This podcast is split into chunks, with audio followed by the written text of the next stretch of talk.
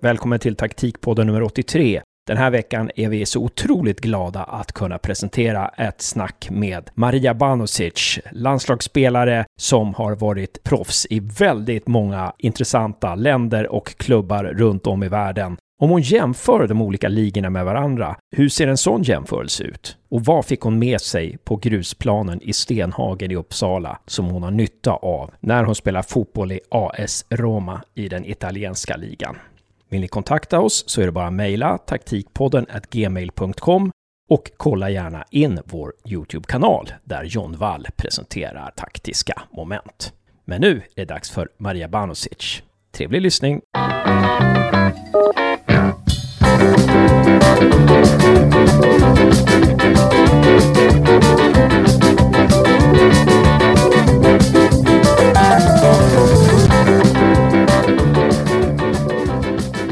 Välkommen till Taktikpodden, Maria... Eh, vad säger, vad säger Tom där? Välkommen till Taktikpodden, Maria Banosic. Hej, hej, tack så mycket. Det krävdes, det krävdes, eh, det krävdes en, en, en omtagning där, men sen satt jag det bara som ett smäck. Ja, det är lugnt. Och ändra från Rom också. Mm -hmm, ja, det stämmer. Ja, men det ska bli himla kul att prata med dig. Vi har tusen frågor till dig här. Och eh, välkommen också Josef. Tack så mycket. Du är i Växjö och du är snart klar med din eh, sportsmanagement-utbildning i Växjö och du scoutar för lite olika lag också. Nej men hörni, vi kör igång någonstans så får vi se var vi hamnar. Maria, du är född i Uppsala. Du har eh, landskamper på U17, U19, U23 och A-landslagsnivå. På 32 landskamper har du gjort 34 mål. Du har gjort 24 mål i damallsvenskan för olika klubbar. Du har varit utlandsproffs i fyra länder förutom Sverige. Och sen tio dagar ungefär är du extra aktuell genom att du gått till Roma i den italienska ligan. Vad säger du om den presentationen? Är det någonting som var fel där? Någonting som du vill lägga till? Uh, nej, jag tror du fick med allting där. var det för mycket? Um, nej, nej, det var inte för mycket. Men det, det är skönt att höra det ibland. Man glömmer ju oftast bort vad man har gått igenom. Så eh, tiden går jävligt snabbt så det är väl det. Ja, precis. Men vi måste ju börja i Italien. Alltså hur är Italien gentemot Frankrike? Du har ju bara varit där i 14 dagar. Eh, något sånt där. Bortsett från språket, hur, hur är landet? De är väldigt eh, öppna, folket här. Uh, hade ett jättebra intryck när jag kom hit första dagen och träffade spelarna. Blev introducerad under en träning, vilket var uh, nytt uh, för mig. Att uh, tränaren bara stoppa träningen och bara, ah, det här är en ny spelare nu, Maria är här. så det var, det var kul. Uh, prata med tränaren och träffa några spelare efteråt och det var ja, överlag bra intryck av alla och allting om, runt omkring. Och språket då? Alltså du har ju bott i Frankrike och pratat med franska ganska bra. Har du någon nytta av det i Italien eller? Ja, det, alltså, jag tycker ändå att det är ganska likt. Um, inte helt så, vissa ord är ju fortfarande väldigt svårt att förstå, men jag förstår ganska mycket ändå. Så det var bra med Frankrike att lära sig det språket, så har man med sig det nu också. Och på fotbollsplanen då, alltså skillnaden på träningar och, och så i Rom i Italien gentemot Frankrike och Montpellier? Mm. Det de har gemensamt är att eh, det är mycket passion och det är mycket hjärta när man spelar. Så jag tycker inte att det är en sån stor skillnad så. Men i, här i Rom så är det mycket, eller i Roma, att eh, man har en tydlig bild på hur man vill spela. Och det är inte bara vi, utan det är herrlaget, det är akademin. Um, så man har alltid något man faller tillbaka till, vilket är betryggande som spelare att när det inte går så bra så har man alltid något som man kan vända sig till. Um, det gör också att alla spelar är på samma sida och då är det enklare att spela fotboll också. Så jag tror att det är kanske den skillnaden som är lite större i Frankrike. Uh, var det mycket på känsla och man hade en taktik men den var inte lika tydlig. Så ja, det, det är väl den skillnaden som jag skulle känna nu. På vilket sätt var den inte lika tydlig? Ja, men det var just det att man, man uh, föll tillbaka på det här med uh, med känslan, hur, hur man känner sig och att man skulle man hade en taktik där, men den kanske var oklar och så var det språkbarriär och, och så vidare. Och det tycker jag är tydligare här i, i Roma. De är väldigt, väldigt, eh, har en stolthet i det att de, vi ska följa den här eh, filosofin som eh, Roma vill förmedla till oss spelare och alla ledare tror jag också. Vad är det för slags filosofi? Hur är grundspelet om du skulle beskriva det lite kort? Ja, jag har ju inte varit här så länge, men det första jag kände var att eh, vi skulle ha väldigt hög press och vi skulle alltid försöka vinna bollen högt upp i planen och spela fotboll. In, inte så mycket långbollar och, och sånt som... Det var mycket i Frankrike, de här långbollarna. Men nej, spela sig ur varje situation. Och det tycker jag ju om, så det passar mig bra. Du har varit där kanske knappt 14 dagar eller något sånt där va? Mm, det är 14 imorgon. Det är 14 dagar imorgon. Ja, just det. Och imorgon är det den 12 februari. Hur mycket är det som återstår att för att du ska kun, liksom, kunna Romas spel utan och innan? Uh, jag tror det är att lära känna alla spelare för att man, man kan ha den här generella taktiken och filosofin som eh, uh, spelledarna eh, uh, vill att man ska ha i ryggmärgen. Men sen är det ju individen också. Det är väldigt olika spelare um, som man måste lära känna på plan och med träning och match så, så kommer jag eventuellt lära känna dem helt och hållet. Um, så det är väl tiden som får visa nu hur snabbt det kommer gå och så. Men jag är väldigt nyfiken individ så för mig är det, jag pratar mycket fotboll och det intresserar mig att veta hur mina medspelare tänker och vad tränaren tänker och roller och, och, och så vidare. Hur hjälper klubben till med processen att du ska komma in mer i laget och hur ska man säga, förkorta startsträckan? Um, så fort tränaren säger något på italienska så förstår jag kanske 50 procent nu. Men sen så kommer det massa spelare till mig och vill översätta. Um, eller så tar tränaren mig innan träningen och förklarar träningen eller förklarar matchbilden eller vad än det är. Så översätter de alltid till mig och försöker få mig på samma nivå som, som en italienska eller någon som pratar italienska. Så jag är alltid förberedd och, och då är det inte så mycket fokus som läggs på oj, vad sa hon eller vad ska jag göra här? Utan jag vet det direkt nästan. Och, och, och, det är skönt för då är det bara att spela fotboll. Då vet jag redan allt vad som krävs av mig och vad som förväntas. Är det något unikt för Roma eller har, har det alltid varit så på alla, hos alla klubbar du har varit i? Ja, I Kina hade jag en tolk med mig um, hela tiden, så det var lite different. Men uh, ganska många pratar engelska här och då är det inte så svårt för dem att komma över och översätta. Men sen så lär jag mig italienska också, så eventuellt så kommer det inte vara någon problem alls. Så det är väl det som var skillnaden. I Frankrike så behövde jag lära mig franska ganska snabbt för att tränaren pratar oftast bara franska, vilket är bra på ett sätt också. Det, jag fullt förstår och, och respekterar det, men det kunde varit, eh, uh, vara svårt i början där att bara förstå allting direkt. Mm. Om vi börjar i Sverige då, om vi börjar från början någonstans. Alltså du har fått din fotbollsskolning i VP, Fyris, GUSK, Sirius mm. och Kristianstad. Mm, det var länge sedan. Ja, det var länge sedan. Men du gjorde väldigt många mål i GUSK så att eh, ja. den måste ha varit viktig den perioden. Men du har spelat i, i VP, Fyris, GUSK, Kristianstad, Linköping. Vad mm. tror du att du har fått med dig från de här svenska klubbarna som har format dig som spelare? Först och främst tror jag att jag formades på Stenhagens IP i Stenhagen då, i Uppsala. Det var en lång period känns det som, att jag spelade med killar där och det var, jag hängde mycket på den planen och det var alltid killar som var där och några var fullvuxna och då var det mycket den som är bäst är den som är mest teknisk.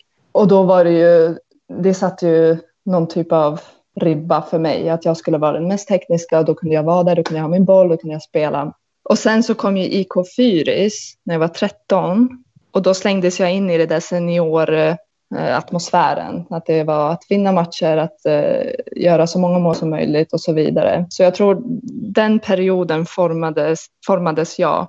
Um, och sen kom, som du sa, GUSK och så. Um, och jag tror att det är mycket mer taktiskt i Sverige än vad det har varit kanske i Frankrike och här i Italien är det också väldigt taktiskt. Men jag tror att det, det var en bra förberedelse. Jag skulle inte säga att jag behövde en bättre eller önskat att jag behövde förbereda mig på ett annat sätt i de svenska klubbarna. Jag tror att mm, det är så skillnad på kulturerna så man kan inte riktigt förbereda sig inför de här kulturskillnaderna. Jag tror att jag är en öppen person och jag är väldigt nyfiken så är man öppen nog så så, så kommer det gå bra, så kommer man lära sig mycket. Och, och det är väl det jag har gjort nu under den här tiden utomlands. I Kina, i England, i Frankrike. Men det var ju spännande att du sa att, att eh, eh, Kristianstad, Linköping och andra svenska klubbar att, att svenska klubbar är väldigt taktiska jämfört med franska och sådär. Det var ju otroligt intressant. Alltså, även jämfört med, för du spelar ju lite i Chelsea också, även i, om du mm. jämför med i England så var det mer taktiskt i Sverige än i England? Mm, nej, det var, det var taktiskt i England. Uh, mycket fysiskt också. Um, men det, det är väl väldigt svenskt att, att det här med organisationen och att man ska ha en tydlig plan och eh, att man alltid har något att falla tillbaka till. Jag tror att man ser fotboll mer som ett jobb i Sverige och det ser man ju, det ser man ju det i Frankrike, Italien, Kina också. Men det är mer det här passionen. Jag tror att det, huvudfokuset är mer på passionen för, för sporten. Man har den här respekten för fotbollen, att man ska, det ska vara underhållande och så vidare. Men jag definitivt att det var taktiskt i England också. Och den här passionsdelen var tvungen att förändra ditt spel på något sätt? Om det har förändrat mitt spel? Nej, för jag, Nej, alltså det är svårt att förklara. Men jag har alltid haft den här starka kärleken för fotbollen. Så det har verkligen varit när man är på plan så ska man ge allt. Och man ska, det är ju många som kollar så det ska ju vara underhållande. Jag älskar att kolla på fotboll också. Och då vill jag se något roligt, inte något supertaktiskt direkt. Eller ni förstår vad jag menar. Jag tycker om Barcelona. De spelar väldigt attraktiv fotboll. Du är lite inne på det som Erik Edman pratade om tidigare i taktikpodden. Han, han sa det liksom att när han var i Holland så, alltså i Holland var fotboll underhållning och man, man ville spela offensivt. Mm. Han gillade den fotbollen. Är det det också lite du, det du säger egentligen? Att, att det är lite offensivare i, i Frankrike, England, Italien än mm. vad det är i Sverige, eller? Ja, det skulle jag nog säga. Ja, jag håller med. Um, det offensiva också, att det, om man tänker efter, fotboll handlar om att göra mål. Eller det är den primitiva synen jag har haft sedan jag var barn och den har jag fortfarande. Och att göra det på bästa sätt, att göra det så snabbt som möjligt. Men samtidigt så förstår man ju också, man måste ju inte släppa in mål för att vinna match. Så ja, det är det där attraktiva aspekten av fotbollen som, som gör det så intriguing. Vad heter det på svenska? Fascinerande, fängslande. Ja, fascinerande, ja, fascinerande låter det jag menar. Ja, men bra. Det är jättebra. Men när du kom utomlands då första gången, var det Chelsea du gick till först eller? Det var den första proffsklubb eller? Ja, precis. Ja, för när du gick till Chelsea då, eh, sen kommer du tillbaka till svensk fotboll. Var det några saker du önskat att svenska klubbar liksom förberett dig på eller gjort annorlunda för att du skulle komma bättre förberedd till Chelsea?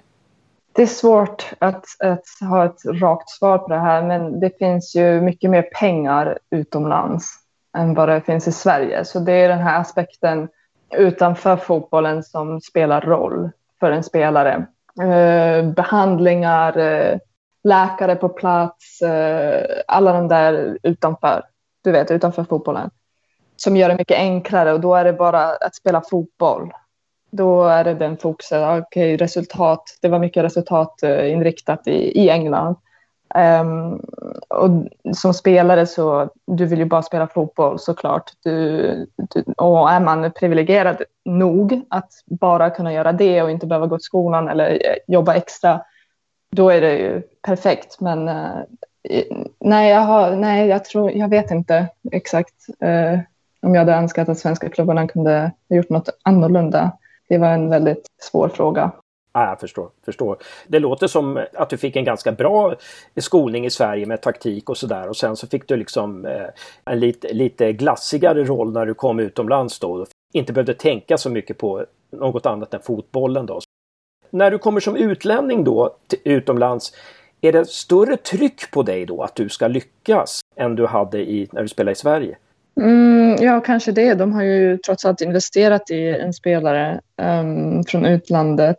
Så jag tror kanske lite, men inte något som jag som en utlänning i Italien, eller Frankrike eller England tänker på. Det är ju fortfarande bara, det är samma sport. Ja. Men sen kom du tillbaka till Linköping och där hade du en jäkla bra säsong. Jag vet inte om du var där ett år, men du gjorde väldigt många mål i Linköping minns jag. Och mm. eh, vad var det som funkade för dig där?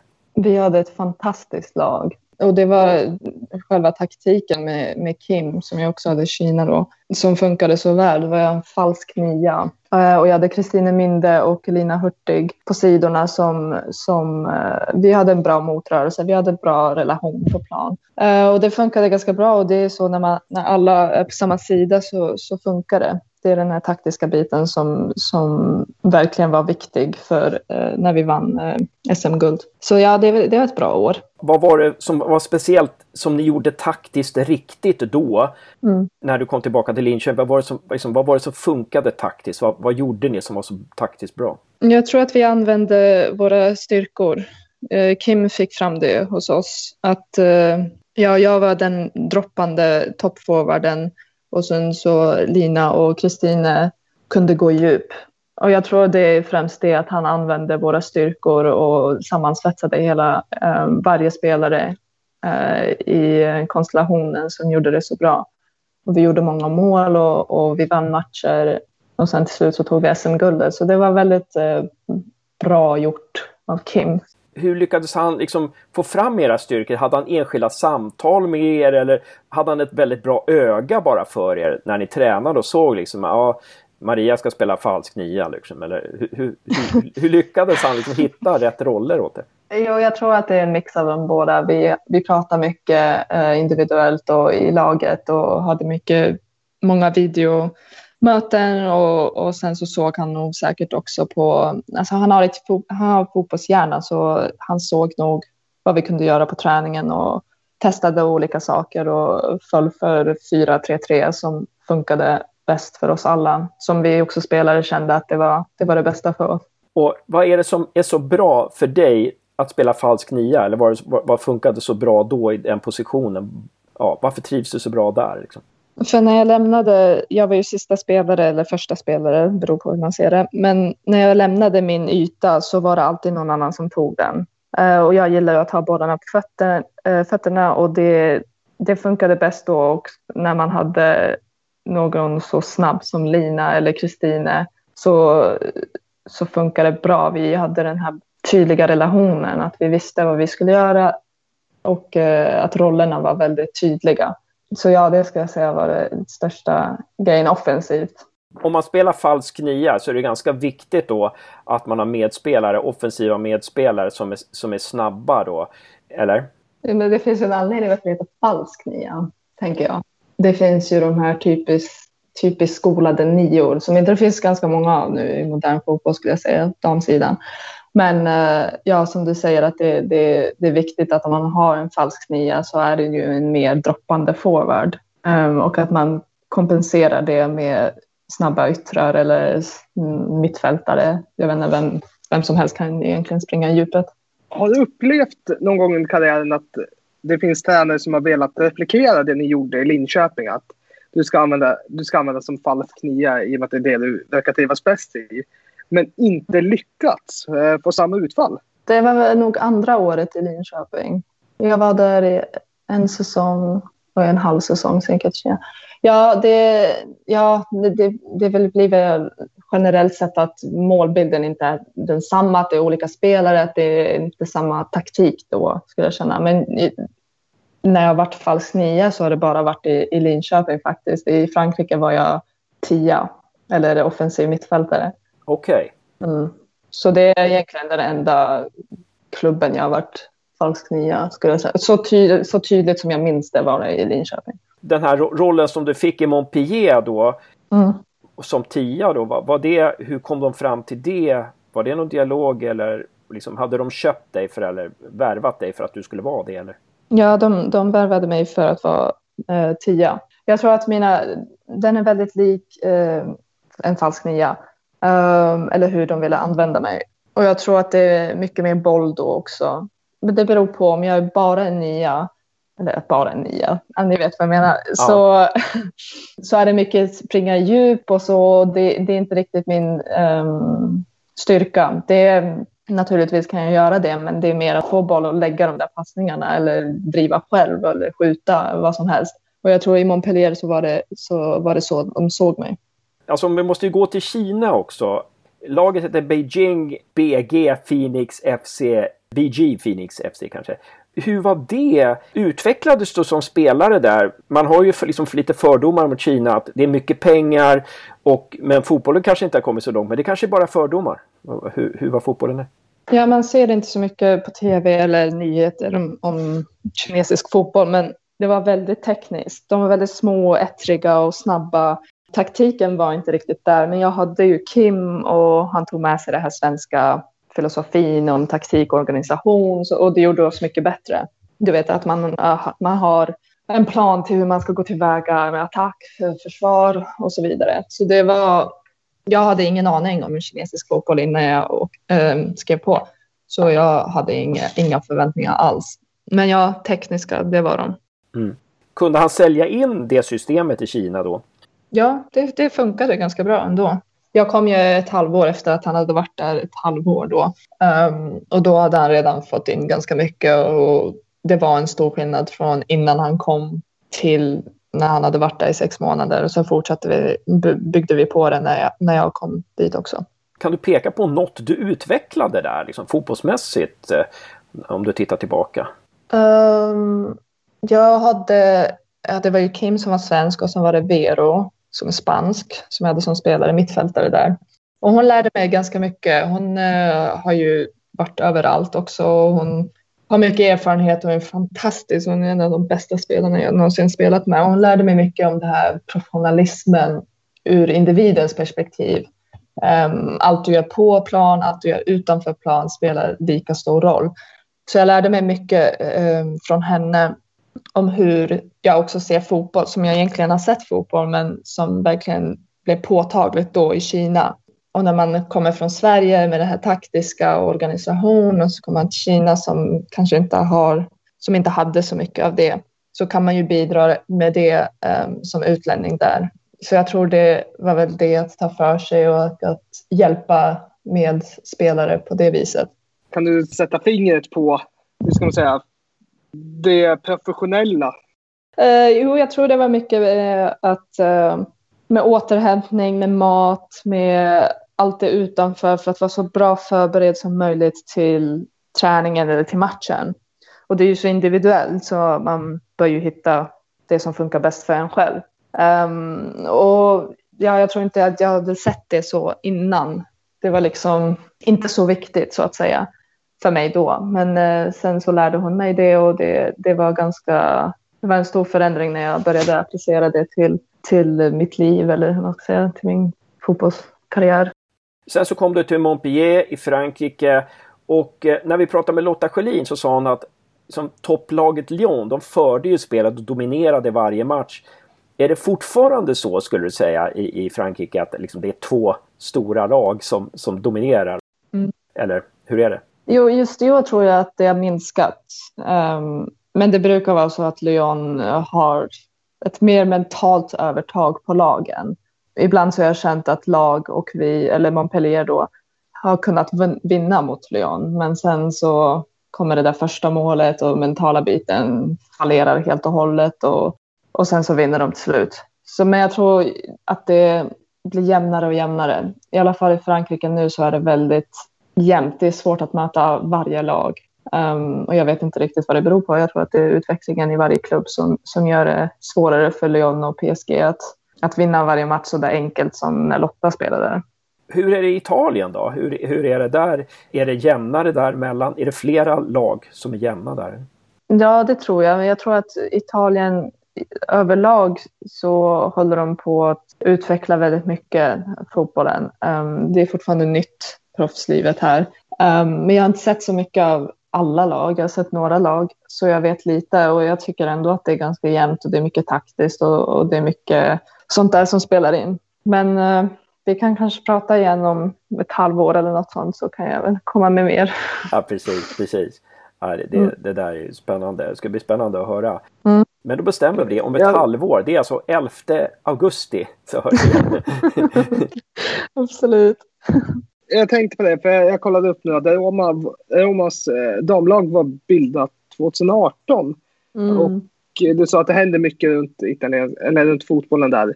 Eh, mm. Märker du av att klubben är, är så pass ung på något, på något vis? Nu har du bara varit där i två veckor, men...